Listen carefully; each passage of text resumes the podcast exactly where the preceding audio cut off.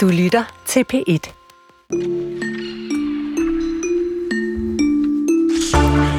Det lyder næsten for godt til at være sandt, men skal man tro den serbiske performancekunstner Marina Abramovic, ja, så er hvidvin og lysbrød to af de ingredienser, der baner vejen for et meget smukt udseende. og både brød og hvidvin, det er også at finde i kunststjernens nylancerede skønhedsprodukter. Er det kunst eller creme? Fup eller fidus, spørger vi. Og så ser vi nærmere på de der DNA-test, som nogle steder er blevet meget populære, og som tit bliver solgt med sådan en påstand om, at hvis man nu for eksempel opdager, at man har en anden baggrund, end man egentlig troede, så får man større tolerance, sådan racemæssigt øh, og øh, over for etnisk mangfoldighed. Men nu har en international forskergruppe set nærmere på den her myte, og øh, resultaterne kommer senere i den her time. Men før vi går i gang, så vil vi gerne lige understrege, at vi starter dagens Kulturen et alvorligt sted med et indslag om seksuel vold i krigsførsel. Her kommer vi ind på flere ubehagelige detaljer fra angrebene på Israel den 7. oktober. Du lytter til Kulturen, og dagens værter det er Karen Sækker og Chris Pedersen. Ja, det kan man roligt sige, at det er et meget alvorligt emne. Øhm, eksperter fra FN vil undersøge Hamas' brug af seksuel vold og voldtægter mod den israelske civilbefolkning.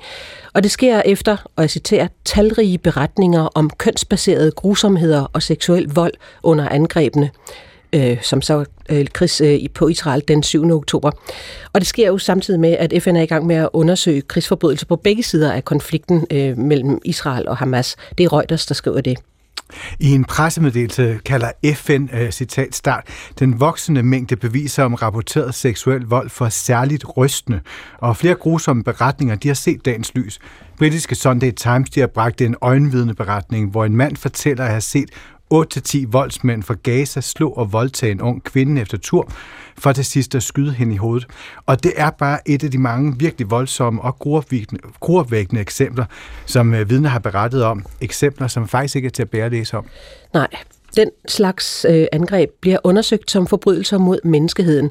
Og nu ser vi nærmere på, hvorfor øh, seksuel vold og voldtægter finder sted i en krig, og hvordan seksuel vold også ikke bare mens krigen står på, eller konflikten øh, påvirker, men også kan påvirke en kultur og et samfund øh, langt ud i fremtiden. Robin May Schott, velkommen. Tak. Øh, forsker ved Dansk Institut for Internationale Studier i øh, Fred og Vold. Den her undersøgelse af Hamas øh, øh, kommer jo på en måde lang tid efter øh, terrorangrebet. Hvorfor tror du, der er gået så lang tid, for de her sager for alvor kommer frem? Ja, men hele debatten har været så polariseret, at det er svært at tage stilling til, og hvis lidelse skal man lægge vægt på. Og det var faktisk først i slutningen af november, i forbindelse med, uh, jeg tror det er den 25. november, International Day for the Elimination of Violence Against Women, at der kom større opmærksomhed omkring det og protester ved FN-bygningen. Og sidenhen har det rullet mere, at uh, det er øh, uh, voldsomt, og uh, det skal uh, undersøges og tage alvorligt. Mm. Og der i, i, i krigens begyndelse var der jo også virkelig meget kaos, så det her spiller vel også ind på, at det tager noget tid. Det er også så svært i uh, midt i uh, uh, krig, er der kaotisk, og, uh, og mange af de uh, hjælpere, uh, som var til stede for uh, at prøve at uh, tage fat på de overlevende uh, og uh, begrave de døde, var selv ortodox jøder, og det var faktisk ubegribeligt for dem at tænke på seksuel vold. Så det man skal gøre, kigge på evidens lige fra starten, man ikke gjort. Det var for kaotisk og for uventet. Og det, det sker er så er uh, mange offrene, altså både døde og begravet, som gør det sværere at finde det her fysisk evidens, man skal i forbindelse med en juridisk efterspil. Hvis man så lige løfter perspektivet en smule, altså hvornår begyndte verdenssamfundet at betragte voldtægter og seksuel vold som uh, ja, altså illegitim uh, krigsførsel? Jamen det har faktisk en lang historie. At der sker seksuel vold i krig er faktisk ikke nyt. Det kan man finde spor af, hvis man læser Iliaden eller den gamle testament. Og øh, tilbage i 1400-tallet var der allerede begyndt at komme humanitær lovgivning, som forbyder det her grænseoverskridende adfærd over for civilbefolkning. Men det var oftest betragtet som en form for øh, krigsbytte og øh, ikke øh, forfulgt. Det var først i forbindelse med øh, øh, i 90'erne med øh, krigen i øh, eks-Jugoslavien og Rwanda og det internationale domstol, mm. der blev etableret i 90'erne, at der kommer det her skærpet juridisk fokus på det, og på den måde også i publikum, blandt medier og blandt forskere. Mm. Så især siden 90'erne er der kommet Altså hvad er det, der sker der, altså på det tidspunkt? Hvordan ændrer vi blikket der? Altså i eks-Jugoslavien var der uh, tegn på systematisk voldtægt kvinder, og også øh, flere andre øh, forbrydelser, hvor kvinder blev øh, holdt som fanger, og så kunne ikke, efter de var, vel, øh, var blevet voldtaget, kunne ikke øh, få adgang til abort. Så det er også påtvunget graviditet og påtvunget fødsel. Så der er flere forbrydelser, som hører til dag. Og der skal man se, hvad sker med de mødre, hvad sker med de børn, som kom til verden, hvordan i familien, hvordan i samfund, bliver de udstødt. Og der er nogen, der mener, at det er også en forbrydelse, en slags folkedrab, i forbindelse med børn, som bliver udstødt af et samfund. Ja, fordi det kommer, øh, får mig til at tænke på, for en ting er, øh, hvad der sker i en krig eller en konflikt, og, og kvinder bliver mishandlet og misbrugt. Men nu kommer jeg til at tænke på Svetlana Alexievich øh, Nobelprisbog, ja. øh, Krigen har ikke et kvindeligt ansigt, ja. hvor de øh, russiske kvinder, der kom hjem fra krigen, som også havde været ude for alverdens ting, når de kom hjem, øh, blev betragtet som øh, parier og ja. udstødt af, af deres øh, kvindelige medsøstre, fordi de havde nok selv været ude om det, og de var nok taget af sted for at erobre deres mænd og sådan noget. Det ser man ofte, altså også i Liberien for eksempel, kvinder, som blev bortført og holdt som soldaters øh, øh, kone og blev altså, systematisk voldtaget. Når de øh, um, kom tilbage til samfundet, Øh, måske har de, er det lykkedes dem at flygte, så er de betragtet øh, også øh, sundhedsvæsenet som øh, uren. Uh, så dem, som faktisk er ofre for en meget tabuiseret adfærd, i stedet for at blive tegnet på tabu, ja. som er det omvendt verden, det ofte sker. Det bliver sådan en slags dobbelt overgreb. Det er det, mm. ja. Og måske har det netop noget at gøre med det med, med tabuiseringen af den her type vold, men, men er der noget, der kendetegner den, altså de konflikter, hvor vi ser altså seksuel vold i, i krigsførsel? Ja, som jeg sagde, man har set det igennem historier, men man er begyndt at se i forbindelse med den ændrede form for krig fra 90'erne, hvor det er faktisk tæt befolket, altså befolkning, som har tæt relationer med hinanden i civil, uh, i borgerkrig. Uh, og øh, det, det er tæt kendskab, kan også være en karakteristiker, at man går efter det meget personlige form for vold, som seksuel vold er. Det mest intime vold, man kan uh, begå uh, fra en gerningsmand, og som en offer uh, skal uh, opleve. Mm. Så man kan sige, det er næsten et udtryk for, at det bliver en mere udspekuleret eller mere kynisk krigsførsel? altså, det uh, er mange... I, I forhold til, hvad er motiv for den slags vold, er der mange. Altså, man kan selvfølgelig også bruge udtryk øh, krigsvåben og, og er, som peger på, det er en øh, strategisk øh, beslutning, som en stat er lettelse tager. Og, og der er også nogen form for seksuel vold, og det var i Bosnien, hvor man så det som krigsvåben. Men sidenhen har man faktisk prøvet at nuancere debatten og sige, der kan være mange faktorer, der bidrager det. Mm. Altså en ting er det her tæt uh, beslægtet forhold mellem befolkningen, at det er så rettet mod en person, en familie nærmest, en, en nabos fremtid. Det har også at gøre med samfundsnormer. Altså er det uh, bredt betragtet, er kvinder bredt betragtet som underordnet? Um, og uh, er det kvindes ære, som er det mest um, uh, beskattet, og derfor den mest ødelæggende hvis man går efter en kvindes seksualitet. Så det har meget at gøre med den, hvilken slags militær og politisk ledelse Absolut. der er? Absolut. Altså, og de skulle også stå til ansvar, vil jeg sige. Ja. Robbie Mason, øh, hvis, hvis nu vi kigger på, på de her soldater, som begår det, det er jo i sidste ende dem, uanset hvad en ledelse og en politisk ledelse øh, siger. Hvad, hvad, hvad ved du om, hvad deres motivation er for at begå de her forbrydelser? Altså nu har jeg også læst, at uh, man har i um, afhøring af nogle Hamas militanter hørt, at de fik at vide, at det var, det kunne de betragte det som krigsbytte, så de normale regler, som vil forbyde det i islam, kunne de se bort fra. Men altså, der er en, en myte, som er vigtigt at, at, at afpille, og det er, når mænd begår vold, voldtægt i krig, um, at det er en um, uh, begær, som kommer til spontan udtryk. Sådan er det overhovedet ikke. Det skal betragtes som vold, og også som en magtøvelse, som bliver seksualiseret. I den her sammenhæng tænker jeg det, at man går efter naboens, du ved, det som kan blive betragtet som den mest ærbare kvinders mulighed for at få børn og reproducere et samfund uh, er uh, meget afgørende for det uh, forsøg at undergrave uh, Israel som samfund. Men ligger der også noget gruppedynamik i det her? Absolut. Altså, det, en anden ting er det ikke, fordi uh, uh, de fleste uh, soldater, som begår voldtægt i krig, er sadister der er nogen, der er, det er klart.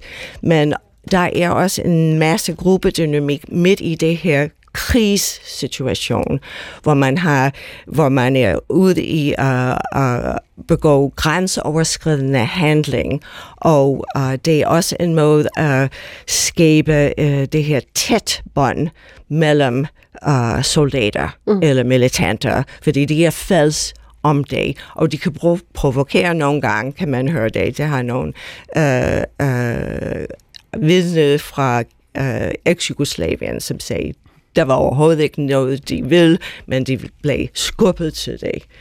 Um, ja. Så krigens psykologi, gruppepsykologi, man har også snakket om, er der en klar forståelse for det her politisk uh, og ideologisk mål med krigen, og når der ikke er er, er der færre ting, der giver struktur og mening øh, i feltet. Mm. Det kan også være en faktor. Og jeg, jeg tænkte på nu, altså krig og konflikt i Mellemøsten har vi jo hørt om i årtier. Og det kan godt være, at min historiebevidsthed er, er hullet her. Men det forekommer mig ikke mig, at den her form for krigsførsel eller konflikt øh, øh, adfærd, vi har ikke hørt så meget om den. Ja. Er der sket noget der? Ja, jeg synes, det er så øh, uh, faktisk øh, markant en ændring, fordi øh, i forskerkredse, når man hele tiden har sagt, man skulle ikke tro, bare fordi man er i krig, at man begår voldtægt. Sådan er det ikke. Og så gennemgår man en masse eksempler, hvor der har været fraværende, og Israel-Palæstina-konflikt har altid været der, hvor det har været fraværende. Og nu kommer det pludselig den 7. oktober. Hvordan kan man forstå det? Det har jeg ikke svar på, men jeg har en masse spørgsmål. Altså forskere har peget på, at når man har nogen voldspraksis i tortur, og i den her eksempel med seksuel vold, kan det være noget, man uh, lærer fra hinanden. Så mit spørgsmål til eksperter er, hvor har de soldater været trænet? Uh, hvor har de boet? Uh, hvilke hvilke uh, dynamik er det, de bringer fra? Er det for eksempel ISIS i Irak? Uh, hvor man har set mm. lignende grusomheder. Så jeg tror, at, at, at følge den spor, hvordan voldspraksis at flytte fra en region til en anden, er også meget vigtigt at forstå, hvad Hamas er for en organisation. Men hvis man så løfter blikket og sådan kigger sådan historisk, altså hvad fortæller det om, om, om vores kultur? Hvad fortæller det om os, at, at vi på en eller anden måde, at, at seksuel vold bliver ved med at dukke op som en del af, af nærmest en krigspraksis? Altså derfor er det så vigtigt at pege på de eksempler, hvor det er ikke ensbetydende med krig at man har seksuel vold. Men så kan man gå ind og sige, hvad er nogle karakteristika i de samfund, hvor det findes.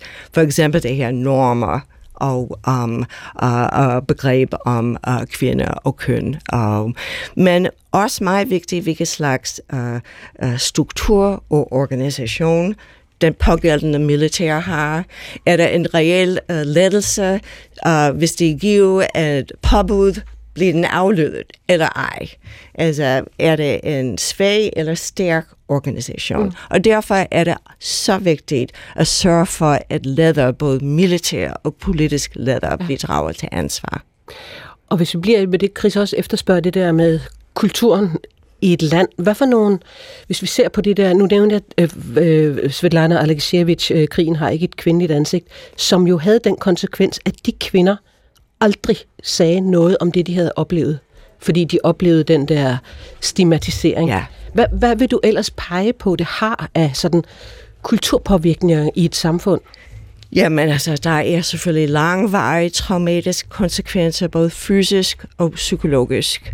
Og uh, hvis man skal uh, tage ansvar som samfund, altså hvis vi snakker om Israel og hvordan man tager ansvar for kvindelige offer, det er i høj grad at sørge for, at det bliver ikke tabuiseret, og sørge for, at der er både de fysisk og psykisk uh, støtte, der kræves, og forstå, at man snakker om en livlangs uh, uh, støtte, og ikke bare, at det er noget, man uh, kommer over hurtigt. Fordi det er en livsforandrende oplevelse for alle ofre. Så det her med at, at, at, sådan at bryde tabuet omkring den her type krigsførsel, det er faktisk ret vigtigt også i forhold til både de enkelte kvinder, men også for at samfundet skal komme videre ja. på den anden side. Ja, og vi ser selvfølgelig det sammen i Ukraine. Altså, det har mm. været lige et eksempel på uh, voldtægt uh, russisk, begået af russiske soldater mod ukrainske kvinder. Og i flere afrikanske ja. lande. Ja. Tak skal du have.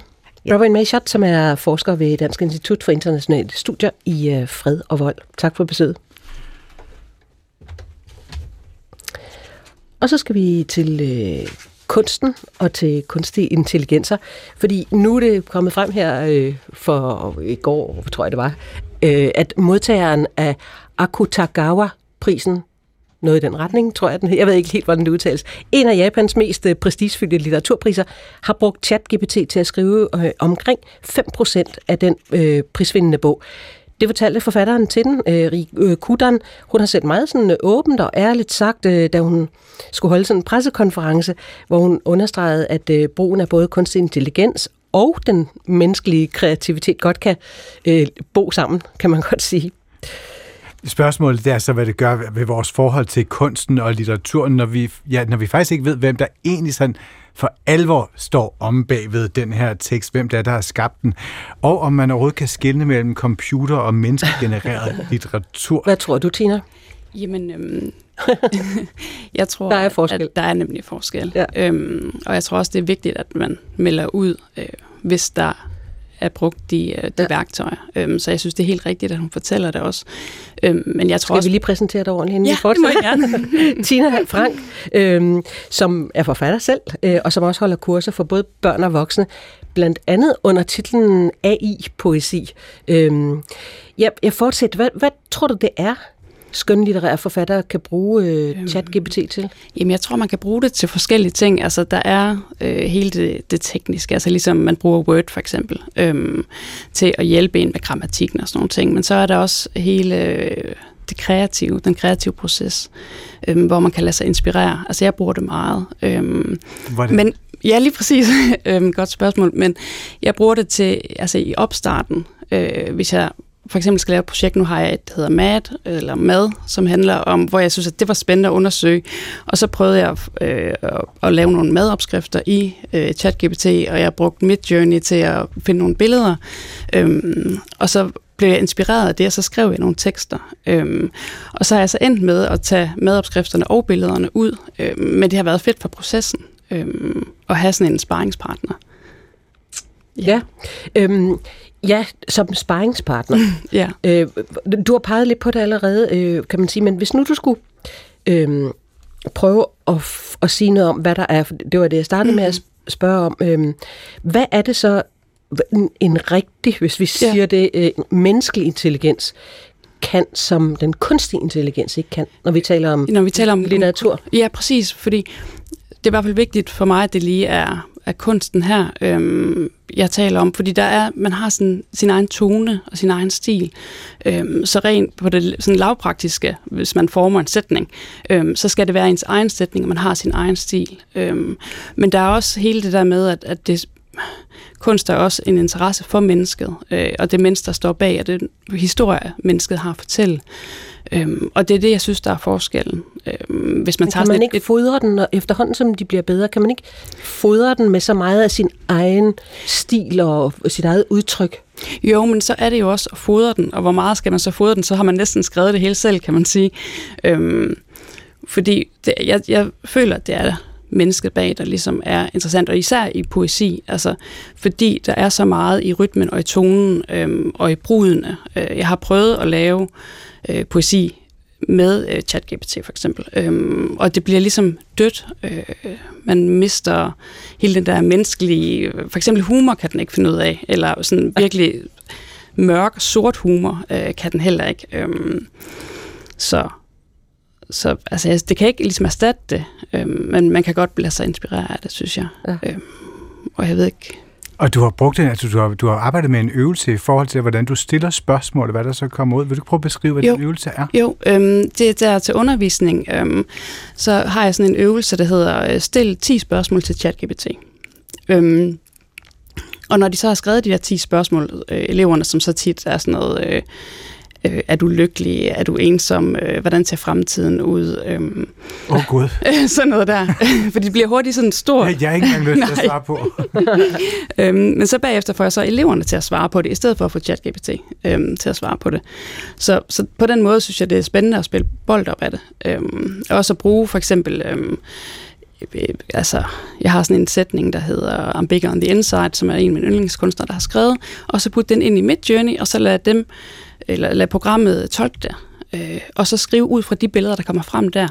Altså, så man på den måde øhm, bruger det til at løfte øh, kunsten. Og nu, og nu øh, hende her, den japanske forfatter, Mm. hun sagde det jo selv, åbent Ja. og ærligt, 5 procent Ja. øh, er skrevet af ChatGPT. Ja. Øh, for nylig kom den meget anmelderoste øh, Den fantastiske bus af Jacob Martin Strid, mm. hvor der i kolofonen står, Mm. at der er intet i dette værk, der er blevet til ved hjælp af kunstig intelligens. Nej. Men, men hvis vi nu alligevel skal være mm. lidt skeptiske over for dem, der Mm. ikke øh, proklamerer det, Ja. hvad skal man holde øje med? Jamen, øhm, jeg tror, hvis det, hvis det er skabt ordentligt, øhm, og man har puttet det ind, og så har gennemskrevet det selv, så tror jeg ikke, man kan se det. Øhm, men, men jeg tror, det er vigtigt at skrive det. Altså, øhm, og det vil, jeg tror også, at lige nu, så tør man måske ikke, fordi der er lidt modstand mod det, men jeg tror snart, så er det bare noget, man gør. Øh, og så tror jeg også på sigt, øh, måske om et par år, at så er man ligeglad. Altså, så er det ligesom at skrive, øh, jeg har også lige øh, søgt øh, al baggrundsinfo af fra Wikipedia, eller jeg har brugt Google til at, ikke? Det kan blive en meget Øhm, lang kolofon. Jamen nemlig. øhm, så, Og nu i den her, altså den aktuelle sag med, med forfatteren her, mm. Rico Dan, som så havde brugt de her 5 procent øh, altså, øh, til at skrive sin tekst. Hvis man så som læser sidder og kigger på det, altså er der, hvad, hvad skal man holde øje med? Er der nogle temaer, er der nogle emner, som, som, ikke, altså, som, som den ikke kan bruges til? Jamen det er der. Altså for eksempel her den, den 8. marts, der kommer jeg med, med en bog, øhm, som handler øhm, om øh, sexisme og vold og overgreb og sådan noget. Og der har jeg slet ikke kunne bruge den, fordi den er så godt opdraget. øhm, så den er sådan flagget alle, hvis jeg sådan har forsøgt at sige, Hvordan flagget? jamen så kommer der sådan en øh, advarselsboks om, om at øh, den, den må simpelthen ikke øh, arbejde med den tekst. Gud, ja. Jeg tror faktisk, det var lidt, øh, da mit tidligere arbejde, der var der en af mine kollegaer, som googlede, om Chris var grim eller dum af mig. Og det ville den ikke svare på. Er Chris grim, tror jeg, den skrev. Og så, ville, så svarede den tilbage, at den, øh, det kunne ikke tage stilling til. Nå, okay. Jamen den er så høflig. Et venligt væsen. ja, ja, ja. Ja, men, ja, der er jo mange, Tina, der har sådan en forestilling om, om forfatteren, øh, mm. i, i store tilfælde kunstneren, som det der geni, mm. der kan skabe noget ud af ingenting, øh, ud over det der lommeuld, der er oppe i ens hjerne. Øh, originalitet med andre mm. ord. Jamen, kan man overhovedet... Øh, så nu, nu brugte hende der, den japanske forfatter, hun havde brugt 5 procent. Vi mm. kan jo altid diskutere, hvor mange procent mm. skal der til, men kan man, er der en grænse, før vi ikke længere taler om den originale kunstner? Mm, altså for lige at starte et andet sted, så synes jeg, at man står altid på skuldrene af andre. Øhm, så man er altid inspireret af andre. Øhm, så, så på den måde, så er der altid noget ind over. Men selvfølgelig så er der en, en smertegrænse for, hvor, hvor meget der kan komme på. Men jeg tror også, jeg tror, det er stort set umuligt at beholde sin egen tone og stil, øhm, i hvert fald især i poesi, øhm, og så putte det ind over. Fordi så skal det være sådan et, et AI-værk, som er meldt ud som et AI-værk, hvor man laver noget cut-up, og man laver noget, hvor man mixer nogle forskellige ting, og så melder det ud, og så er det så kunstnerens fortolkning ja. øhm, stadigvæk, som er interessant. Ja. Ja, så kan jeg jo også vende kasketten og sige, er det ikke også lige meget? Altså, skal vi ikke øh, være på, måske hen ad vejen mm. holde op med at være så øh, syge efter at finde ud af, at det her nu er autentisk, og øh, er det kommet af en menneskehjerne? Hvis værket er godt, so what? Mm, det er et vildt godt spørgsmål. Altså, jeg tænker, at grunden til, vi har kunst, det er for, at vi ligesom skal forholde os til mennesker, altså fra menneske til menneske. Øhm, så jeg synes, det er vigtigt, at, at man altså for troværdigheden for kunsten, at man ved, at man ikke bliver ført bag lyset, at man kan stole på, at det, man læser, er noget, som øhm, er skabt af den, der står på. Altså ligesom en ghostwriter for eksempel. Øhm, der synes jeg, det er, det er super vigtigt. Mm. Øhm. Så jeg må så stille om, om en spørgsmål. Mm. Nu har du så arbejdet med det her, du underviser i det. Ja. Hvad, hvad har du lært om kunsten ved at bruge chat? Jamen, jeg har lært, at, at, at, man, at jeg kan finde inspiration mange steder. Øhm, og så har jeg også lært, at at shit, hvor er det svært at skrive, eller sådan, altså det der med, og som I spørger om, hvad er det i sådan en sætning, der gør, at den er død? Øhm, og der, der tror jeg også, at hvis man, altså det som for eksempel ChatGPT gør, det er, at den tager mellem, den tager sådan en median af alt, hvad der nogensinde er skabt. Altså, så det er sådan et, et kedeligt stykke rugbrød.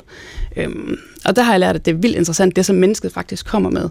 Øh, og det er svært at sætte på formel. Øhm, og det er sværere med at gøre, end man egentlig lige tror. Når du så underviser, så tænker jeg at hvis ikke man er sådan vildt dygtig til at skrive, eller man måske ikke mm. har så meget sådan, øh, styr på, på skriften, altså, mm. hvad for nogle udfordringer er der så ved at undervise?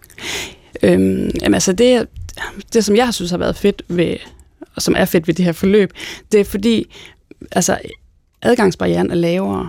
Øhm, så, så det der med, hvis man, jeg kan ikke skrive poesi, for eksempel, hvis man er bange for det, øhm, så er man jo ikke de fleste unge er i hvert fald ikke bange for teknologien. De synes, den er sjov. Og så er det bare sådan en fed indgangsvinkel til det. Øhm, jamen, jeg ved ikke helt, om det var svar på dit spørgsmål egentlig. tror jeg da, det var. Ja. Men jeg kan ikke at tænke på, der er jo sådan noget sjovt i at, at tale om noget, som stadigvæk på en eller anden måde teknologisk er i sin vorden. Altså, mm. øh, øh, den første computer kom på en redaktion, hvor jeg var, så blev den stillet hen i hjørnet, og ingen vidste rigtigt, hvad man skulle bruge det der internet til. Mm. Altså, om 10 år, vil vi så ikke skrige og grine, når vi hører den her samtale og tænke, hold da op, hvor var vi dog enten forskrækket eller uvidende om, hvilke store nye perspektiver og kunstværker, der kan komme ud af det her? Jo, helt sikkert. Altså, altså det, udviklingen lige nu går så hurtigt, at at det er svært at følge med. Øhm, og, det, og jeg kan heller ikke forudse, hvor vi er om 10 år, men vi har rykket os helt vildt. Altså bare nu her, hvis jeg skal holde en workshop om et halvt år, det kan jeg ikke planlægge nu, fordi programmerne de udvikler sig så hurtigt, at ja. hvad fanden er, er, er godt lige der. Øhm, men jeg tror hele tiden, at, at mennesket vil være der. Øhm, fordi man også, altså jo mere kunstig intelligens, der kommer, øhm, jo mere interessant. Jeg tror også, så bliver man draget mod mennesket og, og menneskets historie øhm, og det interpersonelle. Ja. Øhm, og det, man kan også se det på det der med, hvor vilde vi er med øhm, øh, autofiktion og selvbiografier og kunstneren som person, altså hele øh, mennesket bag. Ja. Øhm. ja, men vi vil nok forholde os anderledes mm. til kunst og litteratur om tre år, om fem år, i en ny generation som læsere ja, ja. og forfattere. Ja, og der udvikler man sig jo hele tiden, hvor jeg også tænker, altså noget af det der rugbrøds øh, tekst øh, kan også blive skabt. Ja. Altså, ja. Øh, ja. Tror du, at at komme et sted hen, hvor man ikke kan skelne imellem øh, litteratur, der er skabt af mennesker og, og ChatGPT? Og hvad vil det betyde for os, tror du? Jamen det tror jeg helt sikkert, øh, at vi vil komme derhen, men jeg tror også, der bliver skabt nogle værktøjer, som er stærke nok til så at, at genkende det. Øhm, og jeg tror, det bliver ved med at være vigtigt i et stykke tid endnu i hvert fald, at kunne skelne imellem dem. Øhm, så kan det godt være på sigt, at man faktisk bliver lidt ligeglad. Øh, det er svært at spå om lige nu. øh, synes jeg. Mm. Ja. Tak skal du have, Tina Frank. Jo. Selv tak. Forfatter øh, og øh, bag en række kurser om kunstig intelligens og øh, kreativ skrivning. Lilbeth, er det også noget, der optager dig, det der med kunstig intelligens? Øh, nej, men det er jo noget, jeg er nødt til at forholde mig til, for jeg synes, der er mange af mine kolleger, der har... Jeg var til to udstillinger sidste uge i Norge, hvor det, øh, begge kunstnere brugte, så det er jo nødt nødt til at forholde mig til det på en eller anden måde, men jeg er ikke kommet så langt endnu. Nå, det skal egentlig lyde sådan her. Fordi her de seneste dage, der har den 77-årige Marina Abramovic skabt avisoverskrifter og ramt glittede magasinforsæder over hele verden. Hun er den her serbiske performancekunstner, og hun har lige lanceret et nyt skønhedsbrand, Abramovic Longevity. Og lad os lige høre et par af de ord, som hun lancerede det med på sin Instagram-profil.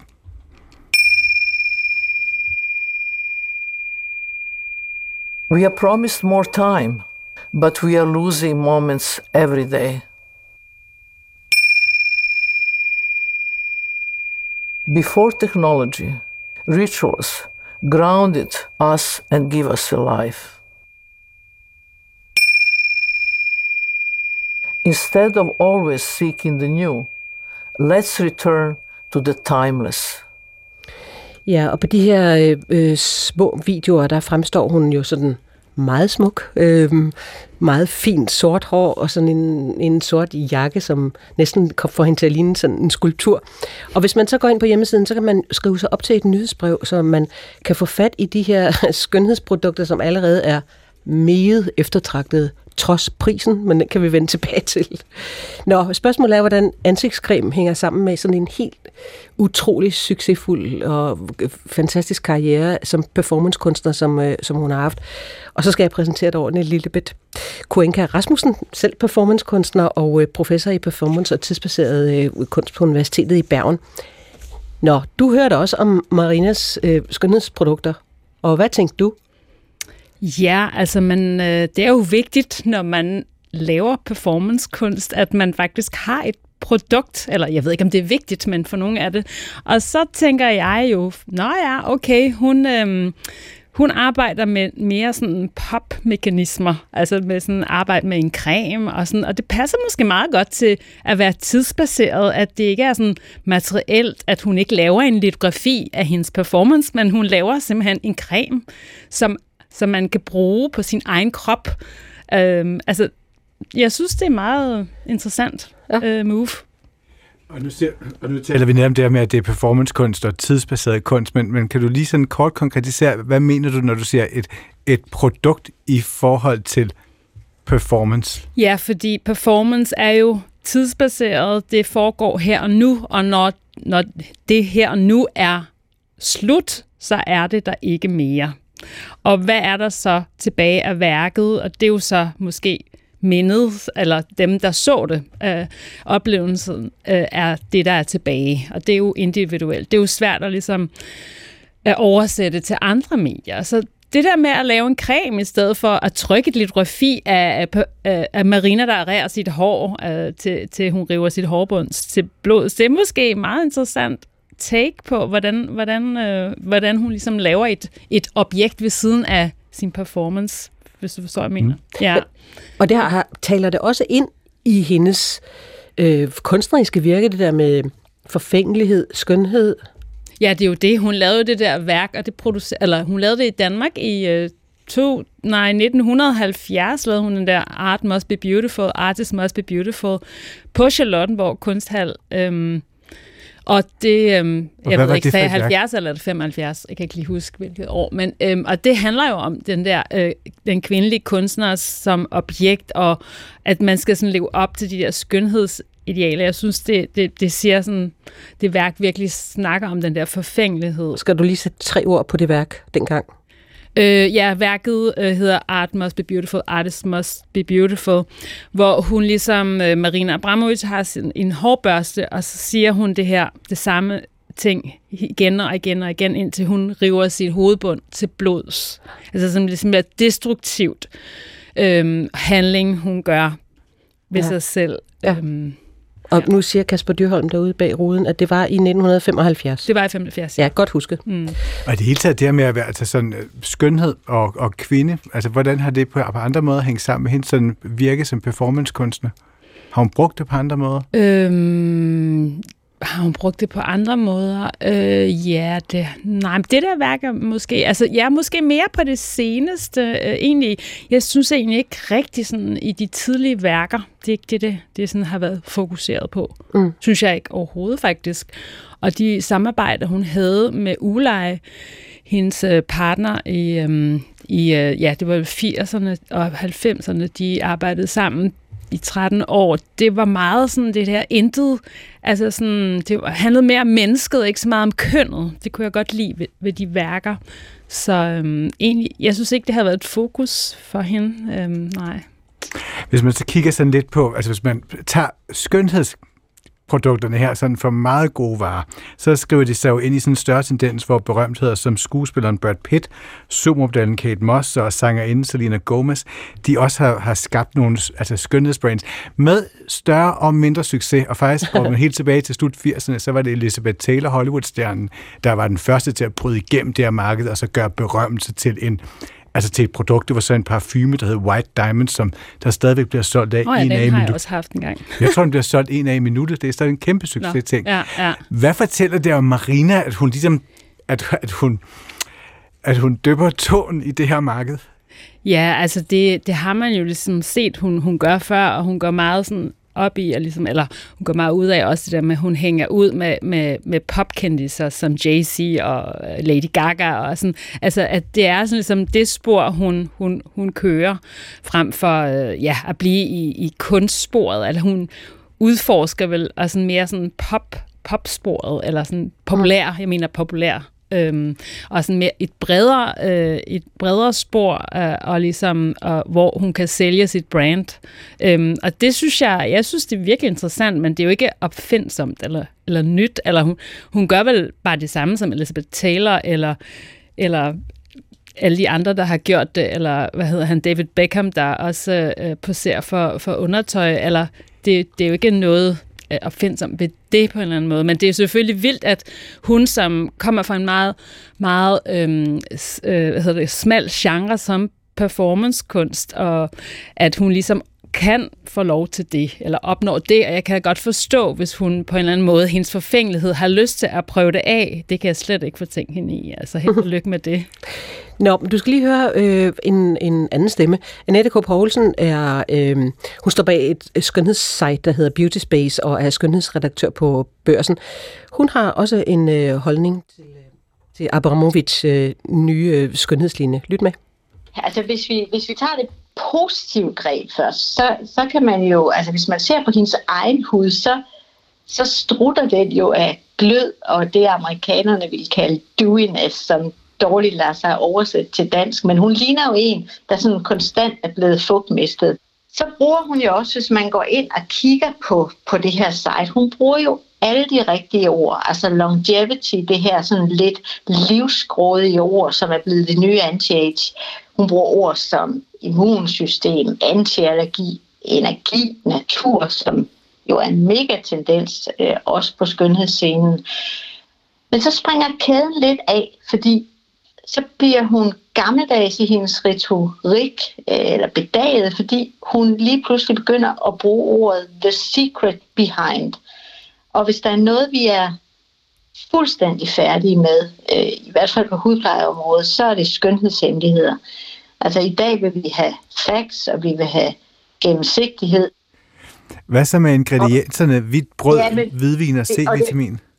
Ja, og det er jo der, hvor, hvor jeg sådan tænker, er det her for sjov? Fordi vi har altså med en, en vi har med en uh, ansigtslotion at gøre til, til 200 pund. Og det man her ved, det er, at der er dokumentation for C-vitamin. Der får man en beskyttende antioxidant. Man får også øh, den her glød, som man kan affiliere med hende. Men, men brød og hvidvin har jeg aldrig hørt om før i hudpleje. Jeg tror, det er bedst at indtage. Jeg tror, der taler om en form for ironisk øh, performance, som måske læner sig lidt op af... Altså, jeg kommer til at tænke på forfængelighed og, og måske også en test af, altså, hvor mange hvor, hvor mange penge er vi skøre nok til at, at, at ville betale? Ja, hvor mange penge er vi skøre nok til at ville betale? Hvad, 2.000 pund? Hvad, jeg ved Nej. ikke lige, hvad pundet står i. 200 pund. Nå, to, ja, undskyld. Hvad er det sådan? Jamen, det er nok cirka 1.500, 1.800 kroner? 1800 kroner. Ja. Nå, Lillebæt, øh, øh, kunst eller creme? Øh, er, spørger du om, hvad jeg foretrækker? Nej. Eller hvad? Nej, Nej, det er ved jeg godt. om, om det er kunst? ja. Øh, jeg ved faktisk ikke, hvad er det, hun selv kal- kalder det? Eller, eller er det en del af hendes praksis? Eller det har jeg ikke rigtig fundet ud af. Det er jo en del af Ja. hele det der projekt, som, hedder, Ja. som er det der longevity-projektet, mm. som jo lidt mm. også læner sig op af de performances, hun har lavet med at trække vejret, og den der vej, hun har gået ind i det spirituelle igennem de seneste år. Men, men jeg tror, at det er netop, hun sådan lidt peger på, det der med sådan et, er det, altså, er det måske en joke? Tror det du, ved er en joke? jeg ikke. Det tror jeg faktisk ikke, det er. Men altså, det koster det samme som et, et, et litografi af en mindre kendt kunstner. Altså, det, det ved jeg ikke. Det, det vil faktisk sikkert godt betale for det. Altså, så why not? Altså, Og det her med at have sådan et ret sådan altså et kommercielt forståeligt altså produkt som performancekunstner, hvad er det for en tradition i performance, hun så læner altså sig der er jo ikke nogen tradition for det. Altså, fordi performancekunst var jo faktisk en opposition til markedet, fordi at da, den ligesom opstod der sidste 60'erne, var det jo sådan en opposition til det boomede kunstmarked, hvor kunstpriserne bare steg sådan til sådan nogle helt abstrakte priser for malerier, og så var det, der var nogen, der sådan sagde stop, altså kunst skal ikke op på det der markedsniveau, det skal simpelthen, det er, det handler om Det skal ikke være en vare. Nej, det skal ikke være en vare. Det må ikke sælges. Og der var kunstnere, der nægtede at dokumentere deres værker, så de kunne risikere at blive solgt som værker, fordi det handlede om at være øh, om, om kunsten og ikke om wow. varen. Altså, så, så, så performancekunsten har jo virkelig, virkelig flyttet sig fra det. Det er slet ikke sådan, at performancekunst er i dag, det er også blevet en vare. Det er også blevet sådan etableret på andre, øh, øh, på samme præmisser som et maleri og en bronzeskulptur. Altså, ja, det er bare mere sådan svært, hvordan skal vi materialisere det? Og der er der stadigvæk en øh, masse måder at, at gøre det på. Altså, det er jo så ham der, Tino Sigal, som øh, han, øh, han nægter jo at materialisere det. Jeg synes jo på en måde, han er Og, så lige, og hvem er det, han er? Tino Segal er en kendt øh, performancekunstner, som er fra England, og øh, han, øh, han nægter, at, at, ligesom, at øh, værkerne bliver dokumenteret. Man må ikke. Det er sådan helt forbudt. Man må ikke materialisere det, på, eller forsøge at dokumentere Når det er opført, er det væk. måder. Altså, bortset fra inde i Ja, ens men hoved. så sælger han det jo så for flere millioner til institutionerne. Så, har, så sælger han et stykke papir, hvor der står, at man har man kan genopføre det, fordi man har købt værket.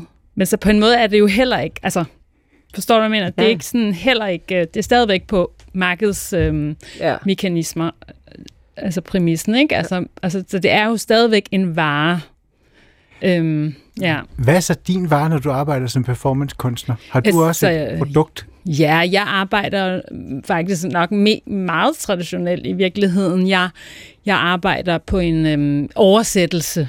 Jeg kalder det oversættelse af performancen. Så jeg, jeg skaber, for eksempel hvis jeg har en karakter med en performance, så laver jeg skulptur af det, eller jeg, men nogle gange er det, er det et fotografi af det, og nogle gange er det en video, som jeg optager i studiet. Så det er sådan en, det er ikke værk, Jeg, synes, jeg ser det, det er forskellige øh, værker. Det er en video, eller et foto, og en perform, eller som tager udgangspunkt i performance-ideen. Men altså, så det er jo på en måde meget traditionelt, altså den måde, jeg arbejder med det på. Det er sådan meget, ja, jeg, jeg har ikke lavet en creme. Når vi så taler netop om Marina her, som jeg har arbejdet meget med, med mode, hun har været på, altså på forsiden i mange store modemagasiner. I 2013, der var hun kampagnemodel for modehuset Givenchy. Mm. Og chefdesigneren derfra, Ricardo Tisci, har skabt en del kjoler til mange af hendes performances. Hvad er det sådan moden og livsstil for ud af at arbejde med en karakter som Marina? Eller hvad kan man bruge hinanden til? Jamen, hendes projekt eller produkt har jo, det er jo mennesket. Og jeg tror, det er det, der er det sådan, gør hende så succesfuld, at det er sådan, at folk kan spejle sig individuelt i hendes, øh, i de værker, hun, hun har skabt. Og, og det, det, tror jeg, det tror jeg virkelig er salgbart. Og, og sådan, det spirituelle er jo også mega moderne, eller det er virkelig i, i trendy at, at være spirituel. Altså, så det er jo en vare, altså på en måde har hun jo arbejdet med det i, i rigtig mange år, men det er jo først nu, hun når det der. Hun piker, Og det er jo fordi, at tiden er til det.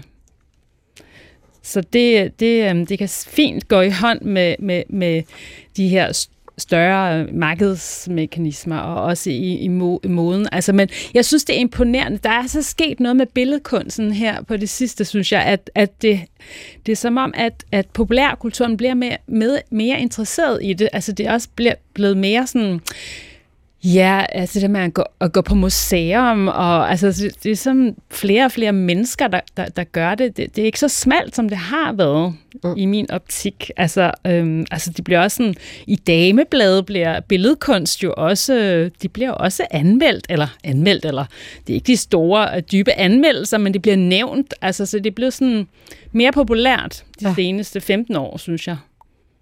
Tak for det. Lillebeth øh, Kuenka Rasmussen, performancekunstner selv. Øh, jeg ved ikke, om du også har en creme på vej? Nej, men jeg vil nok lave en parfume, hvis det var. Nå, okay. Og professor i tidsbaseret kunst på Universitetet i, øh, i Bergen. Og så er der Oscar Nyt, fordi den danske kortfilm Ridder Lykke er nomineret til en Oscar i kategorien Live Action Kortfilm.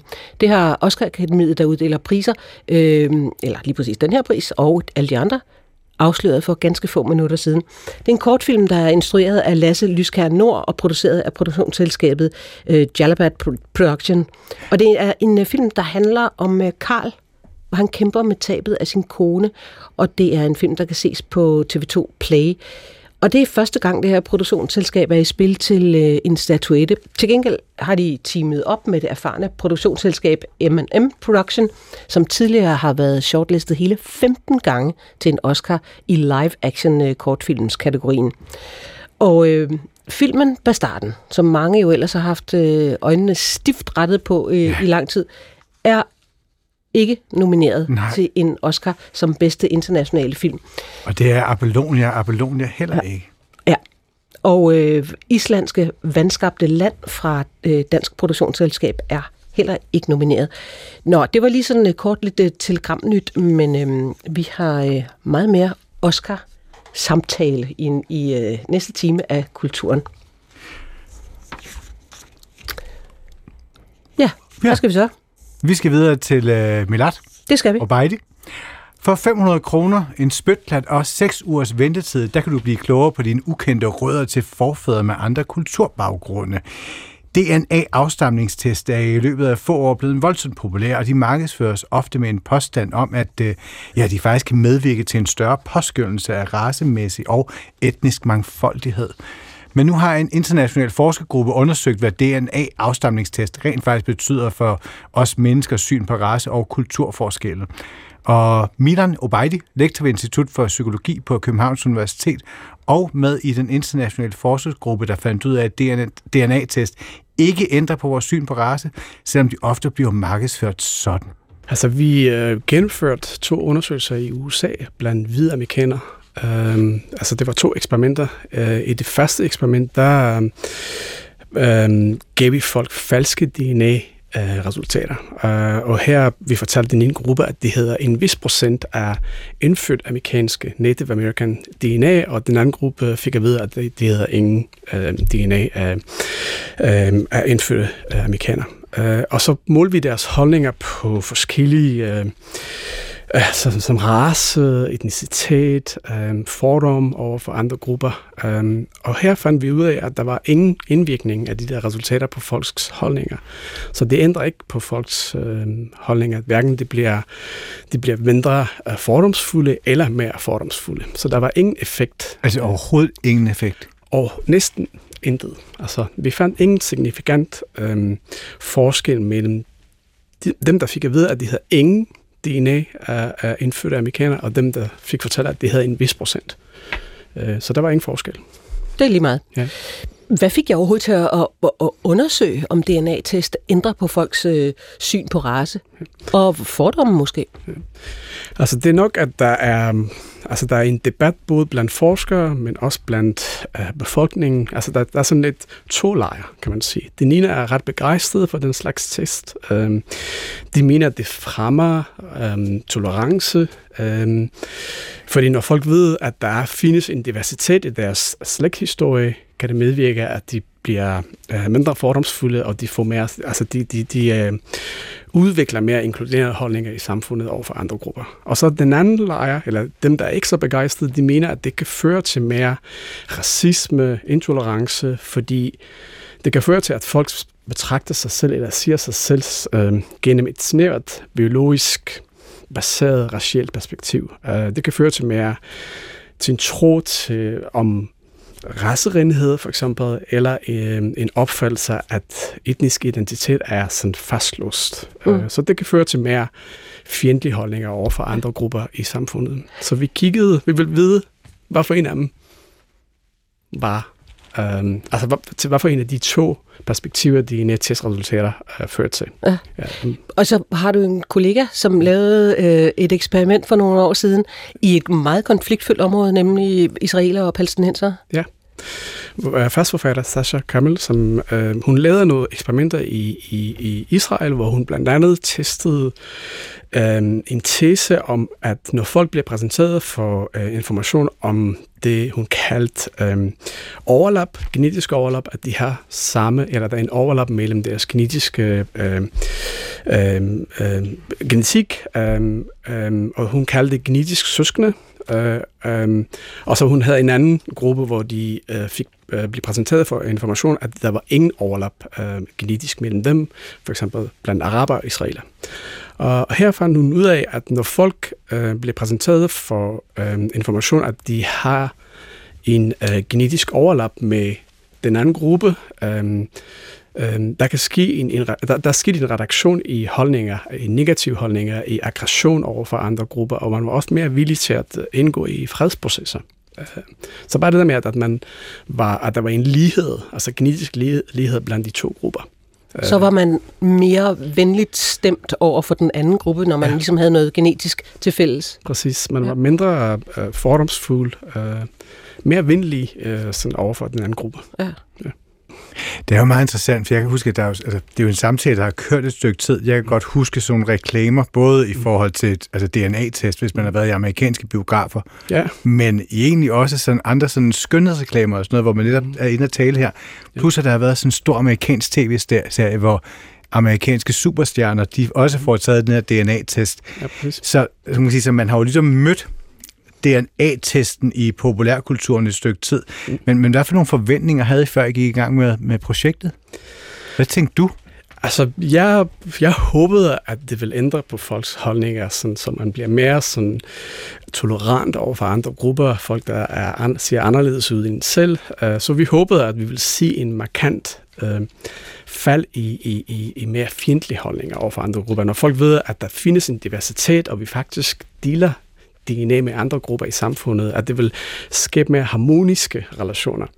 Så det var vores forventning, og baseret på tidligere forskning, så vi også håbede, og vi var også ret sikre, at det, vil, det, altså det det, vi ville finde frem til, at der ville ske en markant øh, fald i, i fordomme over for andre grupper. Ligesom man så med israelere og Præcis, araber. Ja. ja, ja. Lige præcis. Ja. Øh, så det var sådan et vores, det, det vi håbede på. Blev du skuffet? ja, jeg selvfølgelig... Forskere blev ikke skuffet. altså, altså øh, I mean, det er jo, jeg er selvfølgelig, altså jeg, jeg, altså, jeg tror, vi vil alle sammen gerne have et, et samfund, der er harmonisk, og der er, folk er gode ved hinanden, så selvfølgelig blev jeg også lidt skuffet, øh, men, men samtidig også meget overrasket, at vi ikke fik, øh, der, at der var, der var ikke noget effekt. Øh, hvad, hvad læser du ind i det resultat? Jeg tror, øhm, at det er så indgroet i os. Altså det er så, at, at vores opfattelse af race, etnicitet, at det går ikke så stor forskel, når vi, når vi ved, at vi har en vis dine procent øh, for en anden befolkningsgruppe. Øhm, eller det kan også godt være, at, at disse spørgsmål er som mere sådan et, eller det er ikke så, altså vores opfattelse af race er mere flydende, øh, at det betyder ikke så meget for folk, at de får en anden DNA-resultat, end den de, de forventede øh, i de undersøgelser. Mm. Ja.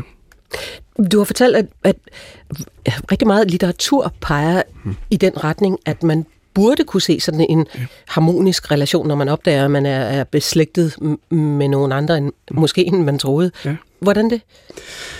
Altså, så i, i socialpsykologi, når man opdeler folk i grupper, og, og nogle gange den, denne kategorisering er sådan baseret på sådan trivielle kriterier, altså for møntkastresultater, eller man fortæller folk tilfældigt, at de, den ene gruppe kan godt lide uh, Gardinski, og den anden gruppe kan lide uh, Van Gogh, og sam, det er sådan, vi betragter det som ret triviale opdeling af folk i grupper.